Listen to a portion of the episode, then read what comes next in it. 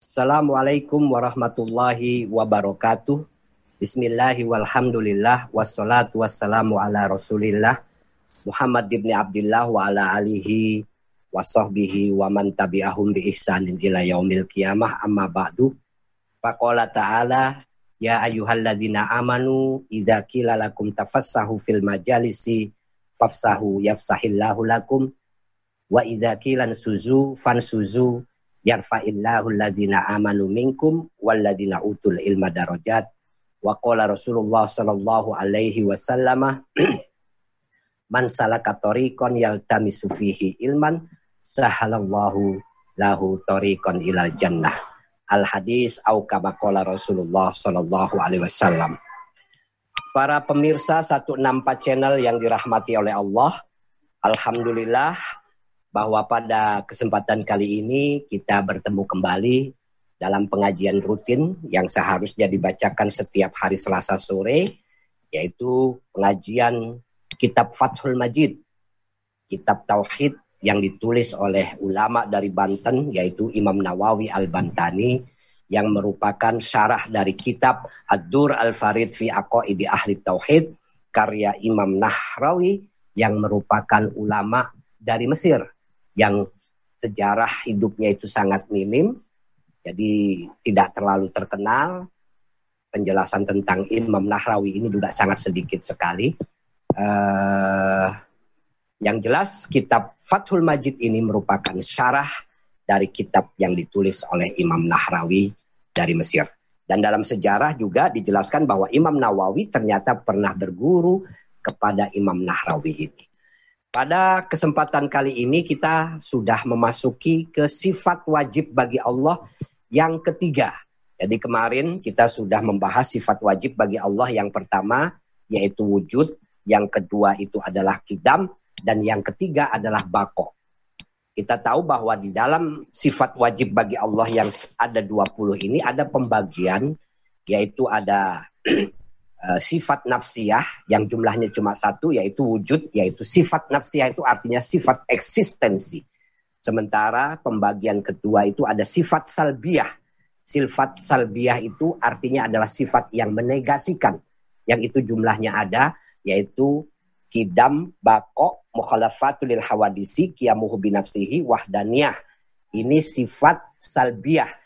Ada lima jumlahnya. Disebut dengan sifat salbiah karena lima sifat ini menegasikan. Menegasikan lawannya, yaitu apa? Kidam itu artinya terdahulu, lawannya adalah baru. Bako itu artinya adalah kekal, lawannya adalah berakhiran, tidak ada atau apa namanya uh, fana gitu loh, berakhir dan seterusnya. Jadi lima sifat salbiah ini sekarang kita bicara tentang sifat ketiga bagi Allah yaitu sifat uh, al-baqo Mari sama-sama kita memulai. As-sifat as-salisah, sifat yang ketiga, al-wajibah yang wajib lahu ta'ala bagi Allah ta'ala, al-baqa'u yaitu kekal. Kidam artinya terdahulu, tidak ada awalnya, sementara bako itu artinya kekal, tidak ada akhirnya. Ini menunjukkan memang Allah itu berbeda dengan segala makhluk. Makhluk apa pun.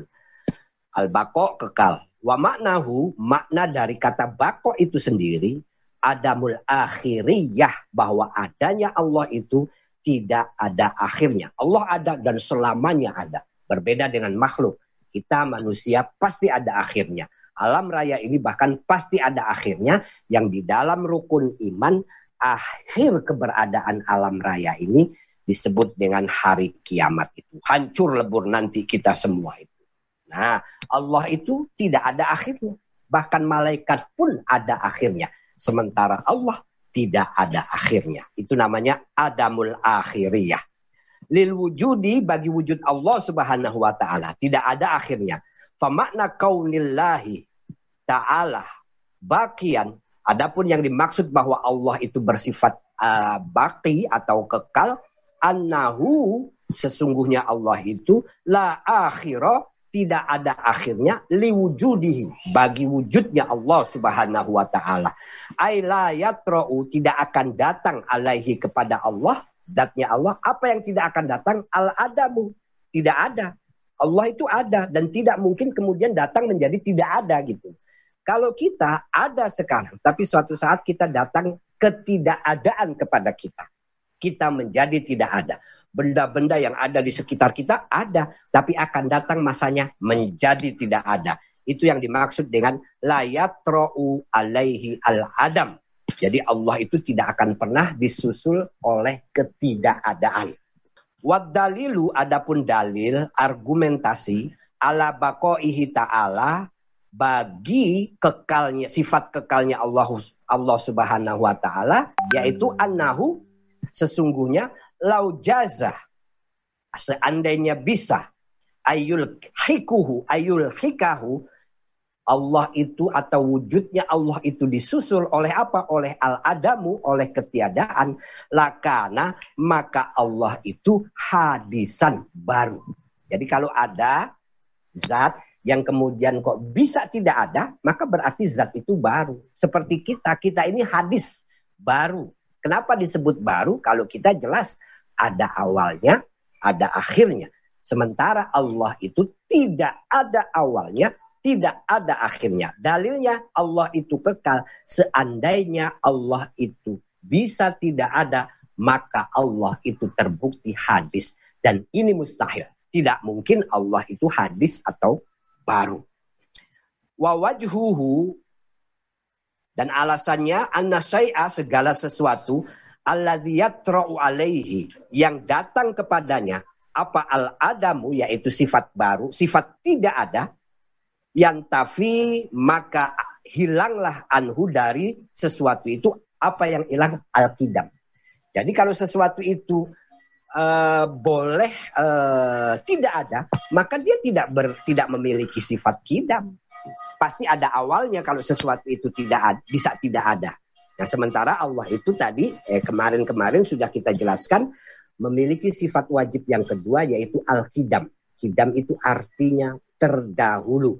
Seandainya Allah itu hadis, maka Allah tidak bisa disebut terdahulu. Nah, gitu maksudnya. Nah, sekali lagi memang belajar tauhid ini muter-muterin pikiran kita pakai logika. Jadi Allah itu kekal gitu loh. Karena Allah itu tidak mungkin tidak ada.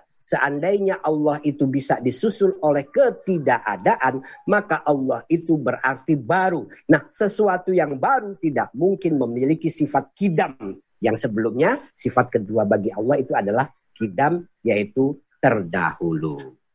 Lau jaza ayul hikahu al adamu lakana hadisan. Kalau Allah itu bisa tidak ada, maka Allah itu baru berarti. Wa wajhuhu alasannya anna syai'a segala sesuatu alladhi yatra'u alaihi al adam yang bisa datang kepadanya ketidakadaan al adam itu tidak ada yang tafi maka dia akan kehilangan al-kidamu sifat kidam. Nah, Allah punya sifat kidam. Li'anna kullama yatra'u alaihi al-adam. Karena segala sesuatu yang datang padanya ketidakadaan.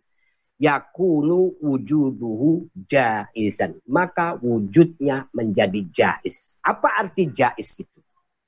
Jaiz itu artinya bisa ada, bisa tidak ada. Nah, ini penting sekali.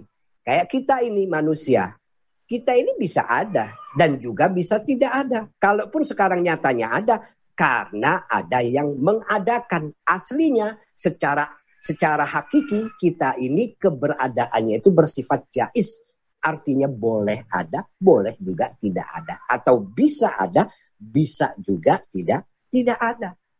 Nah sesuatu yang bersifat jais itu wa kullu man wujuduhu jaizan dan segala sesuatu yang wujudnya itu bersifat jais yakunu hadisan. Maka dia bersifat baru. Kita ini baru. Wa kullu hadisin dan segala sesuatu yang baru yang tafi anhu al kidam dia tidak memiliki sifat kidam.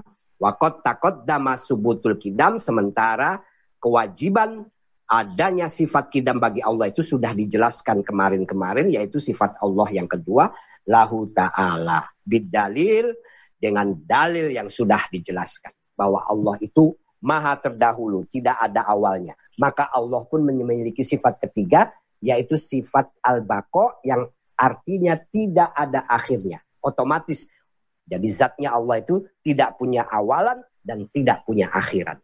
Maka Allah itu wajib memiliki sifat bako, sifat kekal, berbeda dengan makhluk. Dalilnya sudah dijelaskan. Wahasilud dalil dan kesimpulan dalilnya antakula Anda bisa mengatakan Ida lam yajib lahu ta'ala al bako.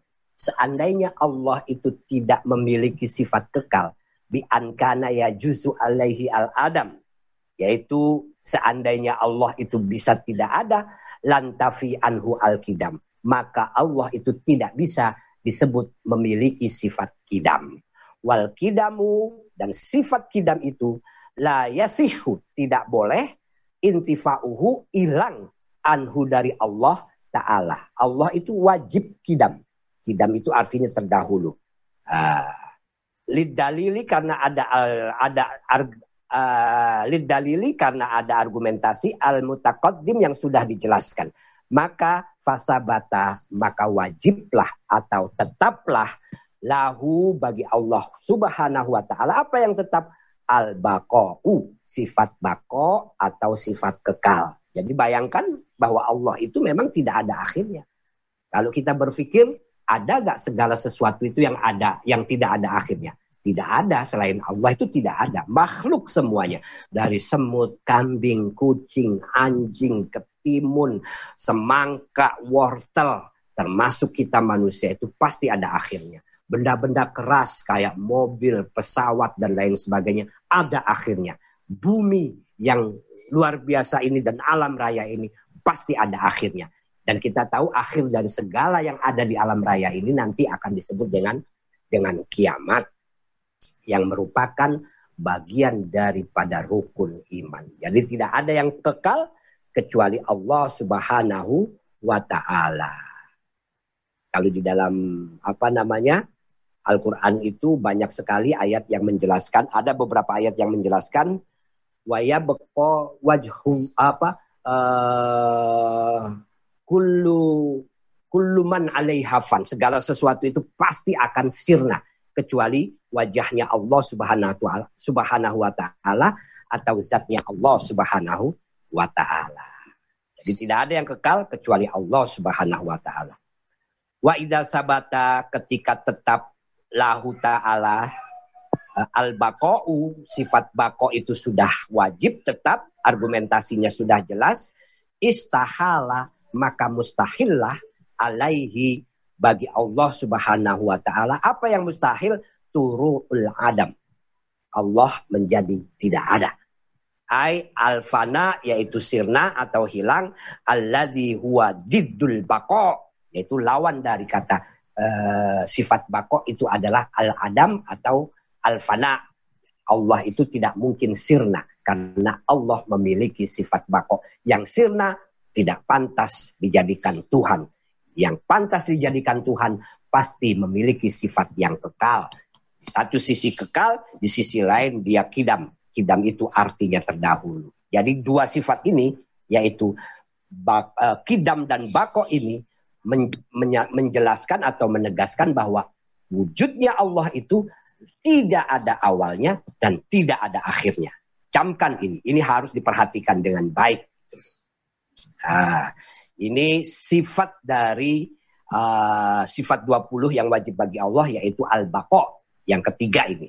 Jadi ini masih sifat salbiah. Kenapa bako ini disifat disebut dengan sifat salbiah yang artinya sifat yang menegasikan. Karena dengan bako maka yang namanya fana itu dihilangkan. Tidak ada. Mustahil bagi Allah itu sirna, mustahil bagi Allah itu tidak ada. Kita lanjut masuk kepada sifat Allah yang keempat, uh, yaitu yang keempat sifat wajib bagi Allah. As-sifat ar-rabi'ah, sifat yang keempat al-wajibah, yang wajib lahu ta'ala bagi Allah ta'ala al-mukhalafatu lil hawadisi. Nah, ini juga sifat salbiah. Mukhalafatul hawadisi itu artinya Allah itu berbeda dengan segala makhluk apa pun itu. Itu sebabnya kita teringat Allah Subhanahu wa taala itu pernah berfirman dalam sebuah hadis qudsi yang firmannya itu menyatakan a'datu li ibadiyas solihin mala ainun ra'at wala udunun sami'at wala khotoro ala qalbi bashar. Aku, kata Allah, menyediakan sesuatu, yaitu nikmat, nikmat, nikmat di surga nanti, buat hamba-hambaku yang soleh. Apa itu nikmatnya? Pokoknya nikmatnya itu nikmat-nikmat yang tidak pernah dilihat oleh mata, tidak pernah terdengar oleh telinga, dan bahkan tidak pernah terbersit dalam pikiran siapa pun. Coba kita bayangkan. Nggak bisa kita bayangkan. Sesuatu itu tidak pernah kita lihat, tidak pernah kita dengar, dan setiap kita membayangkan pasti salah. Itu nikmat yang Allah sediakan buat hamba-hamba Allah yang soleh di surga nanti. Jadi sudah tidak bisa dibayangkan, apalagi digambarkan, dideskripsikan, apalagi didefinisikan. Tidak bisa itu. Dan ini menunjukkan nikmat ini nikmat yang luar biasa di surga itu sehingga kita tidak bisa membayangkan. Tapi walau demikian, itu saja masih makhluk karena Allah menciptakan